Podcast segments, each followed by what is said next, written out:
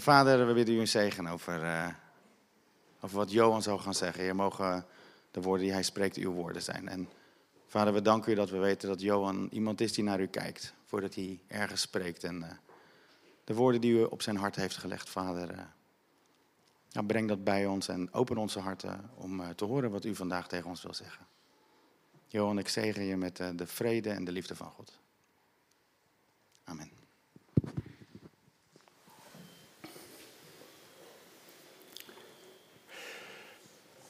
Goedemorgen. We zongen net. Wat zei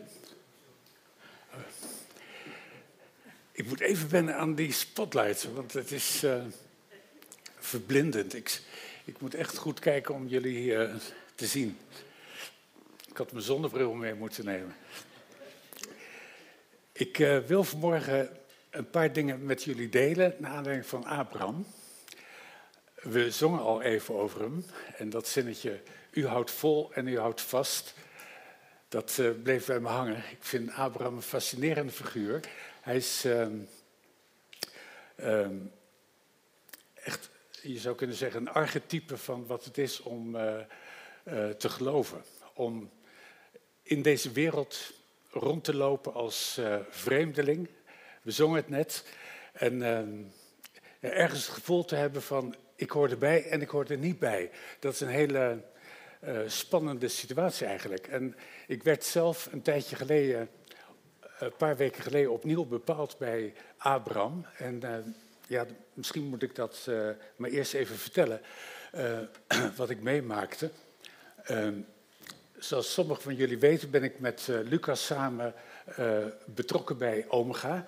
Lucas is een trouwens fantastische medewerker. Ik heb heel wat medewerkers gehad in de loop van de jaren. Uh, weinig die zo uh, doortastend en tegelijkertijd ook zo uh, plooibaar zijn als uh, Lucas. Dus ik ben zeer dankbaar dat wij samen mogen optrekken. We van de week nog een hele middag bij elkaar gezeten. En Carla die weet dat, als wij een meeting hebben, dan loopt het altijd uit. Dus hij kwam om half twee en ik geloof dat het tegen half zeven was dat hij wegging. en er zijn altijd zoveel dingen die we willen delen en waar we het over moeten hebben. Uh, maar ik ben heel dankbaar voor die medewerking. En uh, uh, ik zou omgaan niet in mijn eentje kunnen eh, organiseren. Voor degene die trouwens niet weten wat Omega is, ik heb een paar folders achter op de informatietafel liggen en een paar boeken die je zou kunnen uh, kopen als je dat uh, ziet zitten. Maar Omega is een heel project wat God eigenlijk al jaren geleden op mijn hart gelegd heeft. En uh, um, ja, ik zal de reclame zal ik nu verder achterwege laten. Maar een paar weken geleden zat ik behoorlijk in de rats over het vervolg van Omega, over hoe het verder moest. Uh, ik ontdekte op een gegeven moment van, uh, uh, als ik alle rekeningen betaal die nu in de pijplijn zitten, dan ben ik blut. En halverwege het seizoen, ik had geld gekregen van iemand waar ik verder niks over mag vertellen, maar die had geld gegeven voor dit seizoen. En dat liep dus van de zomer tot de zomer. En ik merkte dus van, ja, de rekeningen die nu eraan zitten te komen, dan heb ik niet meer. En er moet toch een heleboel gebeuren de rest van het seizoen. Dus ik was, uh, ik was uh, best wel een beetje in paniek. Als ik dat zo mag zeggen. Ik, uh, ik kon niet slapen en ik, ik dacht van ja, ik, ik moet in ieder geval een paar mensen vragen om met me mee te bidden. Dat heb ik dus als eerste gedaan. Een paar goede vrienden van willen jullie alsjeblieft meebidden, want dit is de situatie. En uh, we zouden net op vakantie gaan, Carla en ik. En uh, ja, dat vond ik best lastig. Want ik denk, ja, dan ga ik Carla's uh, vakantie bederven. En mijn eigen vakantie natuurlijk ook. Uh, zit ik de hele dag te tobben van hoe moet dit en, enzovoort. Dus uh, nou, wij hadden in ieder geval afgesproken, we gaan, we gaan ervoor bidden. En, en het aparte was inderdaad dat God elke dag wel iets zei wat bemoedigend was. Maar wat voor mij echt de sleutel was, was een woord wat ik las in uh, Jeremia, Jeremia 32, zou voor de Heer iets wonderlijk zijn. Ehm, die tekst die, eh, ken je wel. Ik ken hem ook, maar vanuit een andere context, vanuit de context van Abraham. En ehm, daar gingen wij dus over bidden, over nadenken. En toen kwam er een verhaal in mij, of een, een situatie in mijn gedachten van een aantal jaar geleden, een behoorlijk aantal jaar geleden. Ehm, toen leefde Franny, mijn eerste vrouw, nog. En ehm, wij hadden allebei een droom op een bepaalde nacht. En Franny die droomde eigenlijk bijna nooit. Althans, ze wist eigenlijk nooit achteraf wat ze gedroomd had, als ze gedroomd had. Sowieso. En zij droomde die nacht, eh, toen was ze al ziek, dat ze in verwachting was. En uh, ja, ze was natuurlijk al wat ouder en heel wonderlijk eigenlijk. En ze, in haar droom vertelde ze het aan een vriendin. En die zei, wat leuk voor je. En het was echt zo'n ervaring van, wat gebeurt er nou? Dus zij droomde dat twee keer in diezelfde nacht. Dat is al veelzeggend. Um, het aparte was dat ik persoonlijk diezelfde nacht ook een droom had over een babytje. Ik droomde dat ik bij de Albert Heijn liep achter een kinderwagen. En ik liep daar en had het gevoel van, ja, iedereen denkt natuurlijk van dat is een kleinkind. En ik was me bewust ervan. Ik denk van ja, ze denken dat is mijn kleinkind, maar ze zou eens moeten weten dat het mijn eigen kind is. Dat droomde ik. Dus wij wisselden dat uit s morgens en hadden echt zoiets van, dit is apart. En wat helemaal wonderlijk was, was dat we diezelfde dag in mijn Bijbelleesrooster het verhaal lazen over God die Abraham een zoon belooft. Dus die tekst ook van zou voor de Heer iets wonderlijk zijn, die lazen we die dag. Dus we hadden echt het gevoel van God zegt iets. Maar ja, eigenlijk duurde het best heel lang, eigenlijk een paar jaar voordat we in de gaten hadden van waar dit over ging. En uh, dat werd eigenlijk pas duidelijk vlak voordat Franny overleed. Ik was toen al een paar jaar bezig met het uh, maken van uh, een boek. Best een heel uitgebreid studieboek waarin ik eigenlijk alle dingen die ik in de twintig jaar daarvoor had ontdekt, probeerde tot een samenhangend verhaal te maken. Best ingewikkeld en veelomvattend. en, maar dat was echt iets wat ik van God op mijn hart had gekregen om te doen. En ik denk twee weken of anderhalve week voordat Franny overleed, kwam dat boek uh, beschikbaar. Het werd in Polen gedrukt en een vriend van me die had gezorgd dat er een paar exemplaren alvast uh, opgestuurd zouden worden. En iemand die kwam ze dus, uh, de makelaar die ons daarbij geholpen had, die kwam ze langsbrengen. En ik weet nog dat ik met die boeken, een paar van die boeken in mijn arm, de slaapkamer inging, waar de zuster dus bezig was om Franny te verzorgen. En ik liep daar binnen en die zuster die zei tegen me van, het lijkt wel alsof je een baby in je arm hebt. Uh, en zo ervoer ik het ook zelf, een soort bevalling die had plaatsgevonden en hier was het. En natuurlijk toch een heel klein babytje en... Uh, ook best wel een hele ingrijpende fase in ons leven. Want uh, ja, Carla die zou me helpen. Was ook wel apart om een feestje te organiseren met al onze vrienden. En Franny die zou daar dan nog bij kunnen zijn in een rolstoel. En de dag nadat dat boek was binnengekomen, bleek dat dat eigenlijk al helemaal niet meer kon. En dat uh, haar overlijden uh, veel dichterbij was dan we hadden gedacht. Dus ik heb me ook een beetje gevoeld als uh, Jacob en in de situatie met Rachel, dat Rachel sterft als Benjamin wordt geboren. En um, Rachel die noemt dan Benjamin Ben-Omi. En Jacob die zegt van nee, dat is niet de goede naam. Dit is Benjamin. Niet zoon van mijn verdriet, maar zoon van mijn rechterhand. En um, voor mij, ik, ik wil nou omgaan niet groter maken dan het is. Hè, want dit is iets wat God op mijn hart gelegd heeft. Ik heb geen idee wat God er precies mee gaat doen. En hoe die, uh, de strategie die we eromheen aan het ontwikkelen zijn. En met cursussen en uh, sociale media en, en andere dingen. Ik weet niet wat het gaat worden. Dus ik wil het niet groter maken dan het is. dat is in Gods hand. Maar de overtuiging dat God dit heeft gegeven, uh, die is voor mij heel erg uh, diep, maar die wordt ook tegelijkertijd getest. Dus in die vakantie waar ik dus pas een paar weken geleden met Carla was en wij dus dat woord kregen van zou voor de Heer iets wonderlijk zijn, dat bracht heel dit verhaal naar boven. En nog geen dag later kreeg ik een berichtje van iemand die zei van uh, ik ga je zoveel geld geven. En dat was drie keer zoveel als ik had durven hopen. En dan denk je van, Heer, dit, dit is zo zoals u bent. U bent God. En als we geloven in u, als we uw woorden uh, te harte nemen, serieus nemen, dan blijkt dat, ja, ik, uh, ik, ken dat, of ik weet niet of je dat liedje kent van vroeger. God specialiseert zich in het onmogelijke.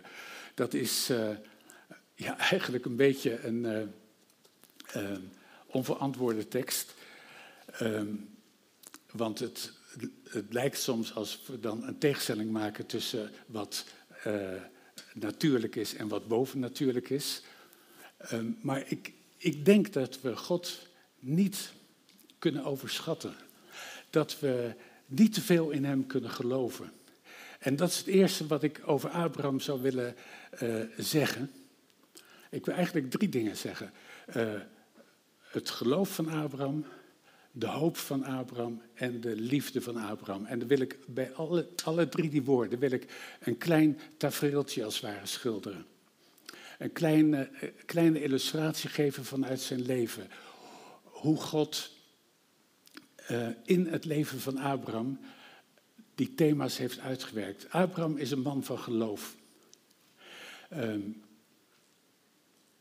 hij is 75 als God tegen hem zegt van, ik ga jou een nageslacht geven, uh, ontelbaar groot. En ik ga jou voor de hele wereld uh, gebruiken. Uh, als Abraham een vreemdeling is, als hij oud is, ik kan me daarmee identificeren. Ik ben 75, dus denk van ja, als je 75 bent en je krijgt dan beloftes die voor je gevoel haak staan op de realiteit, die, die gewoon natuurlijkerwijs onmogelijk zijn, um, ja, dan is het echt een kwestie van, ga ik nou kijken naar mijn eigen onmogelijkheden of ga ik kijken naar Gods mogelijkheden? En Abraham, er staat in, in Genesis 15, staat over Abraham dat hij God geloofde.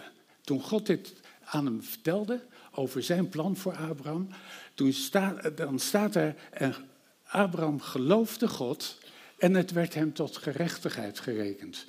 Dus alles wat God door en in Abraham gedaan heeft, dat heeft hij kunnen doen omdat Abraham zei: Ja, oké, ik geloof u. Uh, in het Nieuwe Testament wordt eigenlijk uh, uh, drie keer wordt deze tekst geciteerd. Dat Abraham ehm, door God gebruikt werd omdat hij hem geloofde. Um, Heel kort zal ik dat even benoemen. Het, het wordt benoemd in de Romeinenbrief.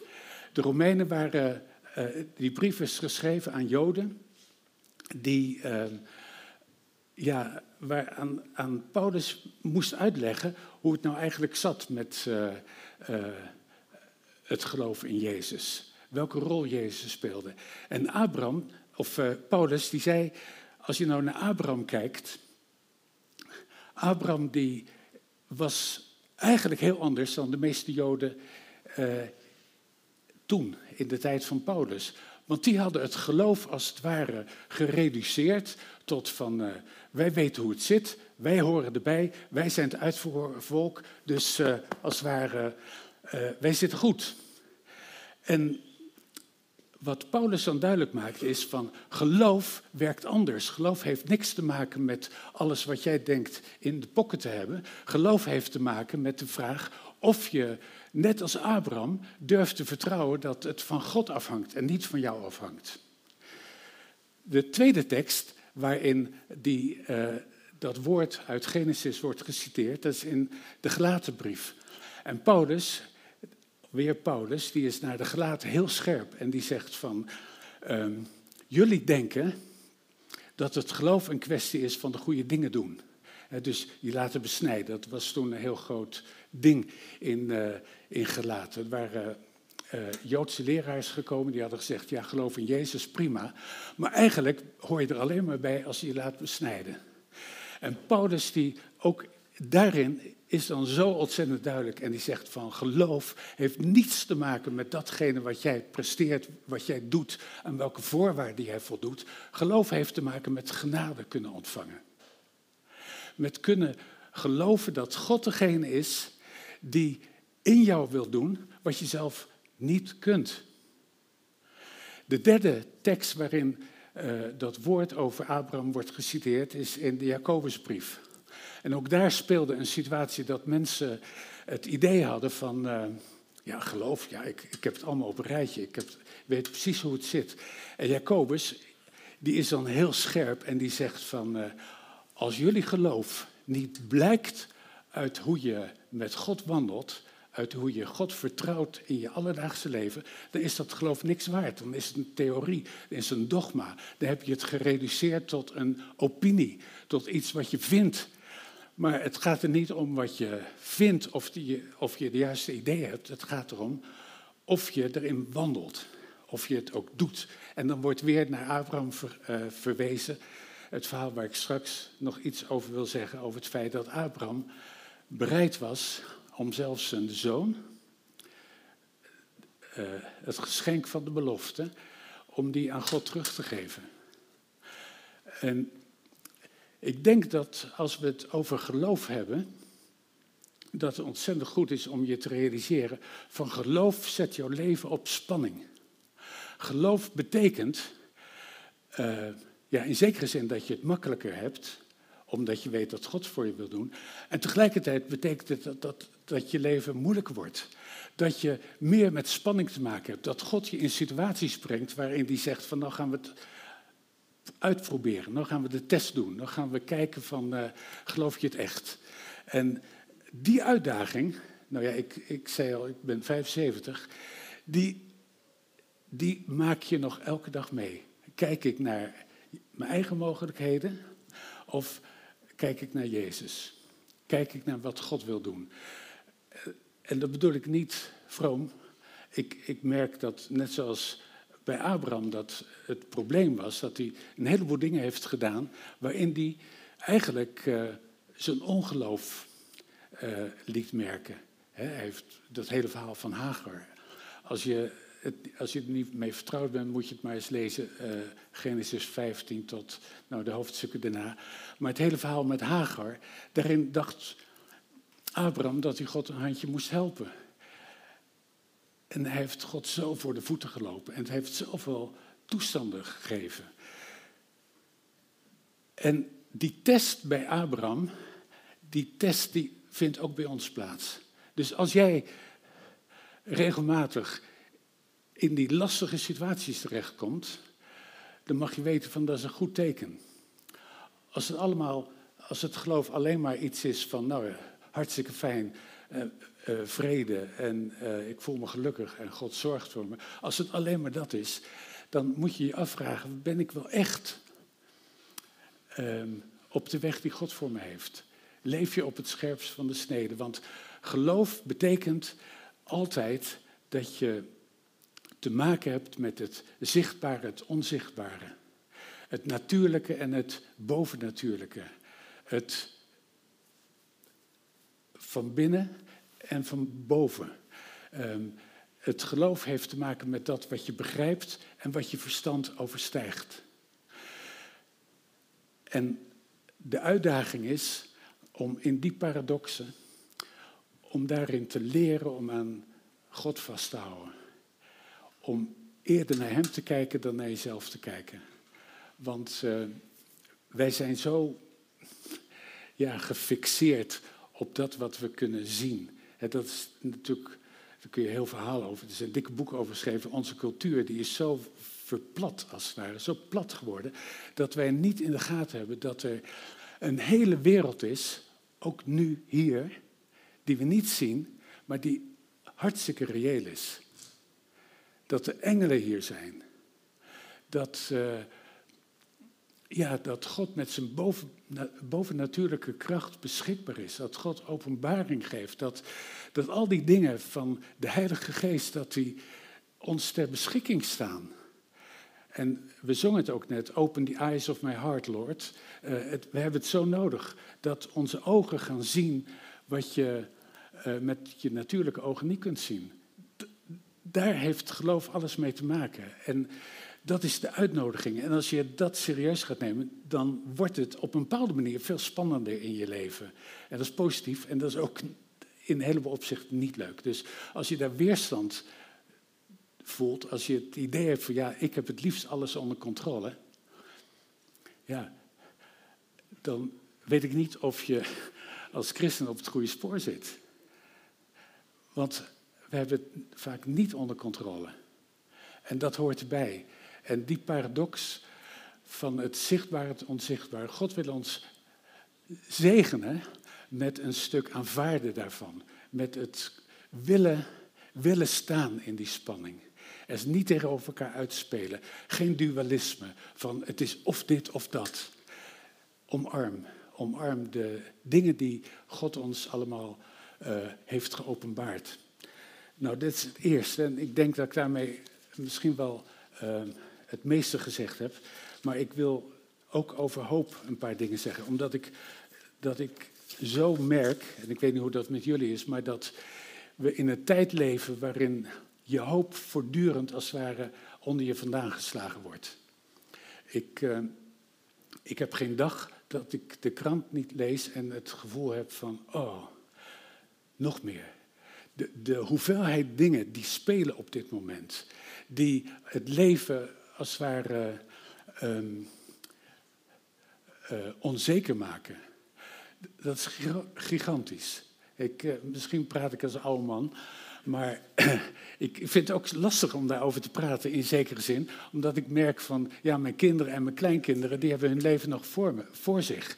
En ik wil niet te veel, als het ware, onderstrepen van tijden die escaleren. De, de ontwikkelingen escaleren. En die zijn on, onomkeerbaar. Hoe moet dat in, uh, in de komende tijd? En ik, ik denk dat uh, hoop in dat opzicht een ontzettend belangrijk ding is. Maar dat wordt ook beproefd, zoals dat bij Abraham beproefd werd. Hè? Tegen Abraham zei God van, ik ga je nageslacht maken zo talrijk als de sterren aan de hemel, die kun je niet tellen, en het zand op het strand. Zo ongelooflijk groot ga ik je nageslacht maken. Dat zegt hij tegen iemand die de 75 gepasseerd is.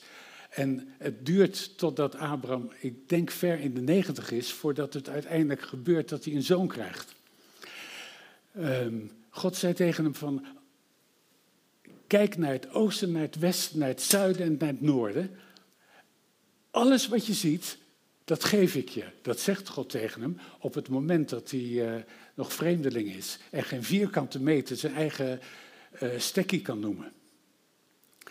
En God zegt tegen hem van, ik ga jouw nageslacht gebruiken om alle volken op de hele aarde te zegenen. Nou, dat is, dat is uh, onvoorstelbaar groot. En daar kon Abraham zich waarschijnlijk heel weinig bij voorstellen. Maar ik denk dat het Abraham het besef heeft gegeven van er is een plan. Ik ben deel gemaakt door God van een verhaal dat zoveel verder reikt dan dat ik me kan voorstellen. En weet je, dat is nou precies wat wij nodig hebben. Dat wij beseffen, als kinderen van God, wij zijn deel van een verhaal waar, waar God um, het overzicht over heeft, wat wij ons niet kunnen voorstellen, maar waar we ons wel aan mogen vasthouden. Uh, het komt goed er komt een moment dat Jezus terugkomt en dat hij alles gaat rechtzetten. En ik denk dat als we dat beseffen, dat we ook in staat zijn om in het hier en nu onze plek in te nemen. En het voorbeeld daarvan, wat ik kort wil beschrijven, is dat uh, Abraham bidt voor de redding van Sodom en Gomorra. Uh, dat is een gebed wat ogenschijnlijk niet verhoord is. Uh, in die zin dat, uh, dat ja, God die steden heeft verwoest. Gods oordeel was onvermijdelijk. En toch lezen we het verhaal dat, dat God met Abraham daarover in gesprek gaat. Hij is dan bij hem op bezoek geweest. Je kent misschien dat verhaal van die uh, drie mannen die bij Abraham op bezoek komen. En uh, Abraham die verleent dan gastvrijheid. En uh, dan komt opnieuw die belofte aan bod van ik ga, ik ga jou een zoon geven. Over een jaar zul je een zoon hebben. Dan gaan die drie mannen weg. En dan blijft God nog even staan bij Abraham. En dan zegt hij van, uh, ik, wil, ik wil met je delen wat ik van plan ben. Ik ben op weg naar Sodom en Gomorra om te kijken of het waar is wat daarover uh, mij te oor is gekomen. Laat ik het zo maar even zeggen. En Abraham, die gaat er met God in gesprek. Die gaat, die gaat zich opstellen als een soort uh, advocaat, als een pleitbezorger. En die zegt, God, uh, ja, ik, ik zou eigenlijk, eigenlijk willen vragen wat u nou gaat doen. Uh, stel nou dat er 50 mensen in Sodom zijn die wel trouw zijn gebleven aan u. Um, zou u dan niet ter wille van die 50 die stad willen bewaren? En dat vind ik een heel, heel mooi gegeven, dat God hem zich als het ware laat verbidden. En dat hij zegt van oké, um, oké, als er 50 zijn, dan verander ik van gedachten. Dan ga ik het niet doen wat ik van plan ben.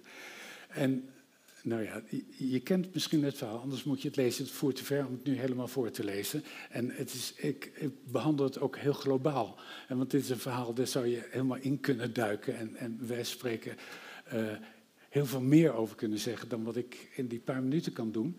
Maar Abraham die zegt dan, oké, oké, u, bent, u bent kennelijk aanspreekbaar. Ik ben uw vriend, mogen daarover in gesprek zijn. Zegt hij, stel nou, als er vijf ontbreken aan die vijftig.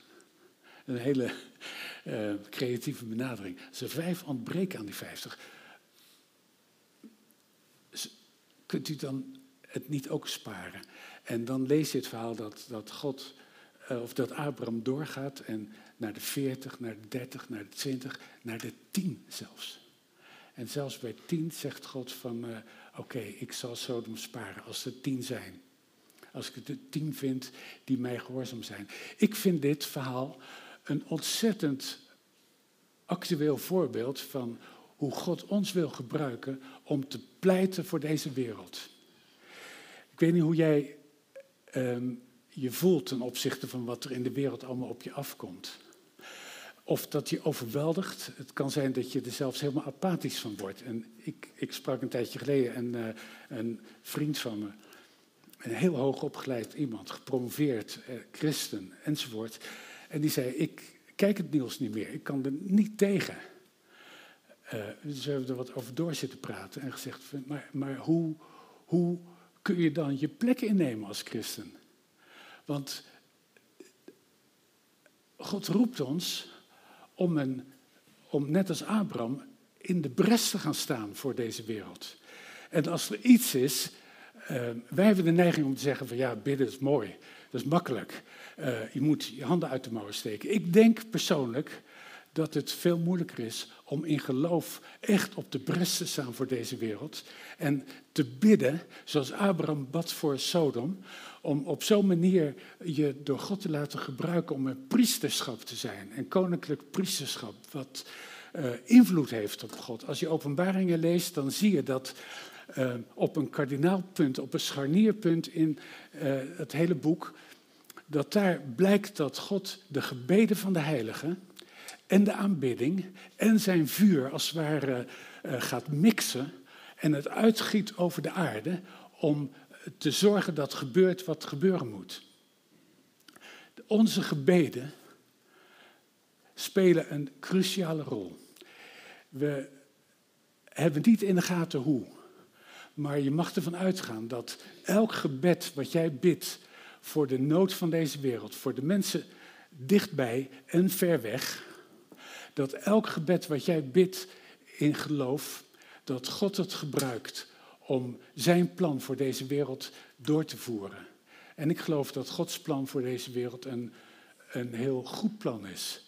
De dingen die escaleren, de dingen worden scherper, maar het betekent ook, geloof ik, dat we met meer overtuiging mogen weten dat de wederkomst en de doorbraak van het koninkrijk, ik moet het andersom zeggen, de doorbraak van het koninkrijk en de wederkomst daarna, dat, dat God daar alles op alles voor, voor, ik kan niet aan mijn woorden komen, dat God er alles voor over heeft om dat door te laten breken. Ik geloof dat we voordat Jezus terugkomt, voordat de dingen echt helemaal tot de climax komen, dat God zijn gemeente wil klaarmaken om daarin een cruciale rol te kunnen spelen. Om nog heel veel mensen ook voor, voor Jezus te winnen. Heel veel mensen uh, het koninkrijk binnen te zien komen.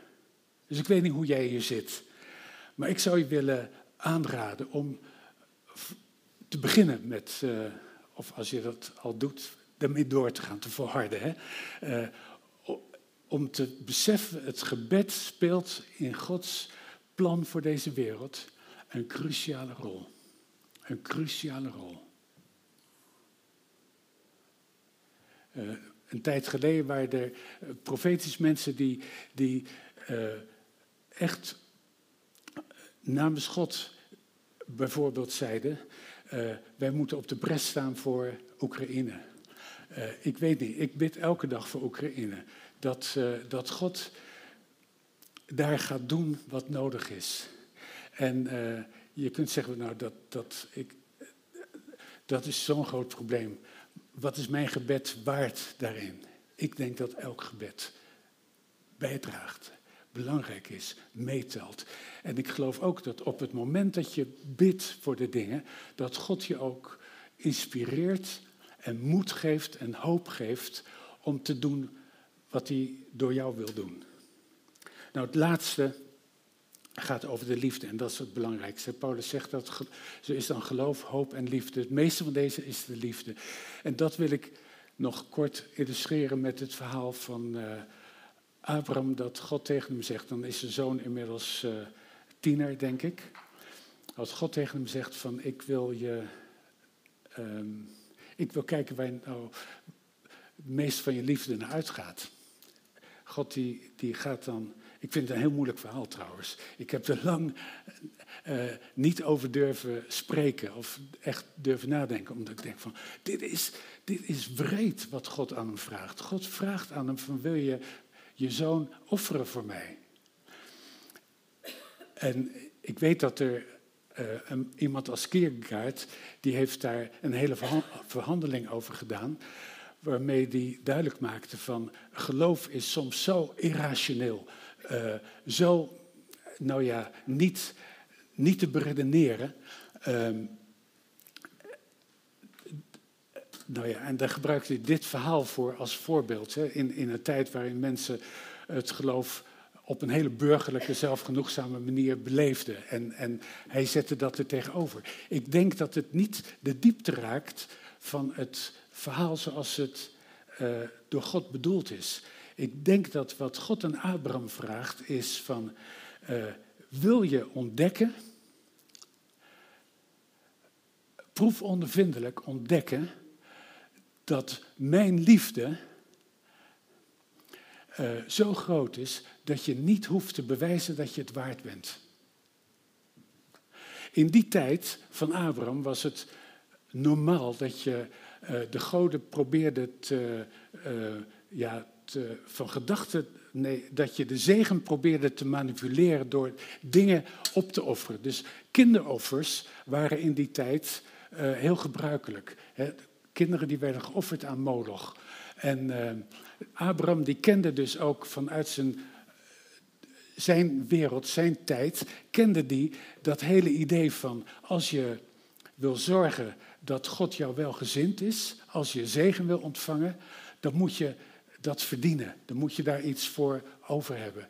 En het hele verhaal van de bereidheid van Abraham om zijn zoon aan God te offeren, gaat eigenlijk, heeft eigenlijk de spits van dat God zegt van, het gaat niet zo, maar het gaat zo. De liefde van mij is niet een kwestie van een antwoord op jouw uh, bereidheid om te, offers, om te offeren.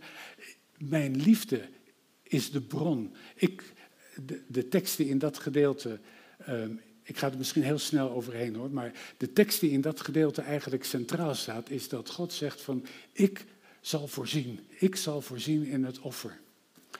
En um, als Abraham dus uh, die hele weg gegaan is en op het punt staat om zijn zoon aan God te offeren, dan staat er in de Hebreeënbrief over dat uh, Abraham dat deed in de overtuiging van, ja, uh, als God dit van me vraagt, hij is zelfs in staat om mijn zoon uit de dood op te uh, wekken.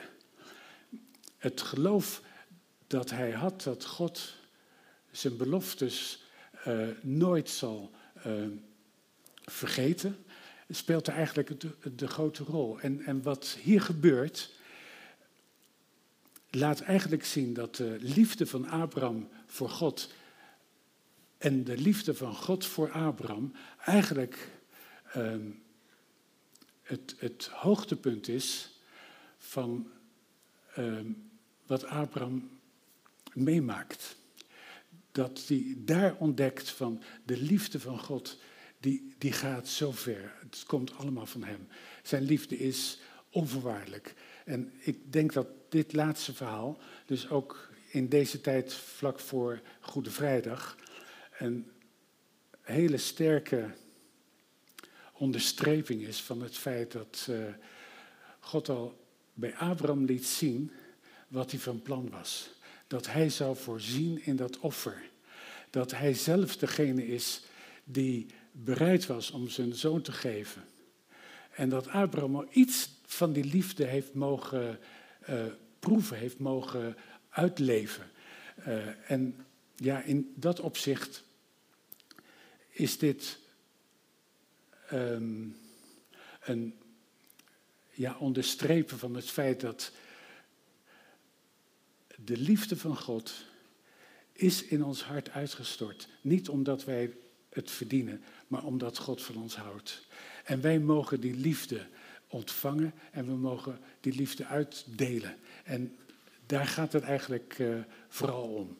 En uh, ik weet niet of ik dit nou duidelijk genoeg heb kunnen, kunnen uitleggen, maar misschien moeten we gewoon eens even stil zijn en kijken van Heer, wilt u laten zien hoe ongelooflijk ja, onbegrijpelijk en tegelijkertijd uh, veelzeggend het gegeven is dat, dat u bereid was het liefste wat u had te geven voor ons. Zodat we deel zouden krijgen aan de liefde die u heeft uh, voor deze wereld, voor ons en door ons. Um, ja, laten, we maar gewoon even een moment stil zijn. En Heer, ik heb het gevoel dat ik uh, het maar aan kan stippen, maar ik zou willen bidden dat u het zelf wilt laten voelen, Heer, wilt laten zien hoe ongelooflijk groot uw liefde is. Heer, en dat het ook daarom draait. Heer, dat u de liefde in ons hart wilt uitstorten. Heer, dat u door ons heen wilt stromen.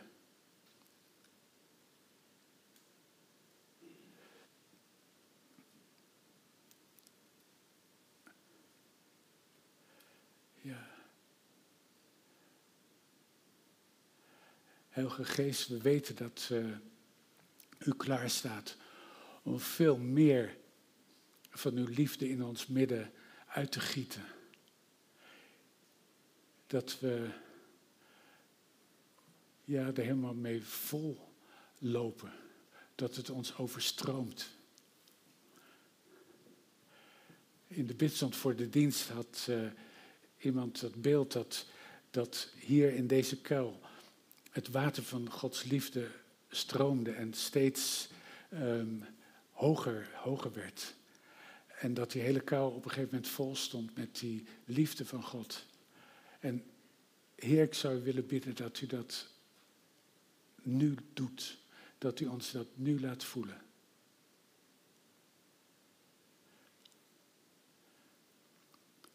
Heer, stroom, overstroom.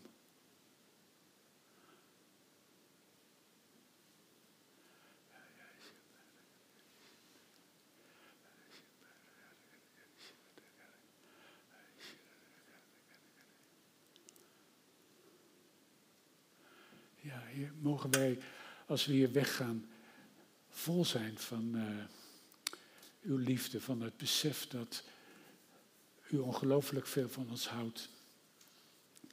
En dat u een plan voor ons heeft. Dat u ons hoop geeft. Dat u ons op onze voeten zet. Dat we ons uh, ja, aanvaard weten door u. Til ons op, Heer, door uw Heilige Geest. Ja.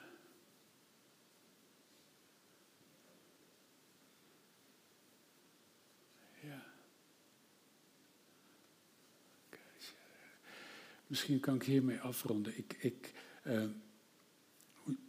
moet denken aan Romeinen 5, waarin staat van. Uh, uh, dat je je ook mag verblijden in moeilijke dingen. Want staat er, die moeilijke dingen leren ons volharden. En de volharding die leidt tot beproefdheid. Je zou kunnen zeggen dat is het woord in het Nieuwe Testament voor karakter. Dus de moeilijke dingen maken dat we leren volharden. En die volharding leidt tot beproefdheid. En die beproefdheid maakt dat je hoopvol wordt. En die hoop, daarin word je niet beschaamd, omdat de liefde van God in ons hart is uitgestort door de Heilige Geest. Dat is in feite het proces waar we allemaal doorheen mogen gaan. Die liefde die wordt in ons hart uitgestort door de Heilige Geest. En daardoor mogen we deel krijgen aan datgene wat uh, God in deze wereld wil doen. God wil in deze wereld zijn liefde openbaren. En de vraag is dus inderdaad van uh, hoe, in welke mate staan we er open voor? In welke mate uh, vindt de Heilige Geest in ons hart een landingsplaats? Zodat we op een natuurlijke, authentieke en een vrije manier mogen uitleven wat uh, uh, God ons heeft gegeven. Dus ik, uh, ik denk dat ik het nu maar overgeef aan uh, jou, Lucas. Ja. Dankjewel, Johan.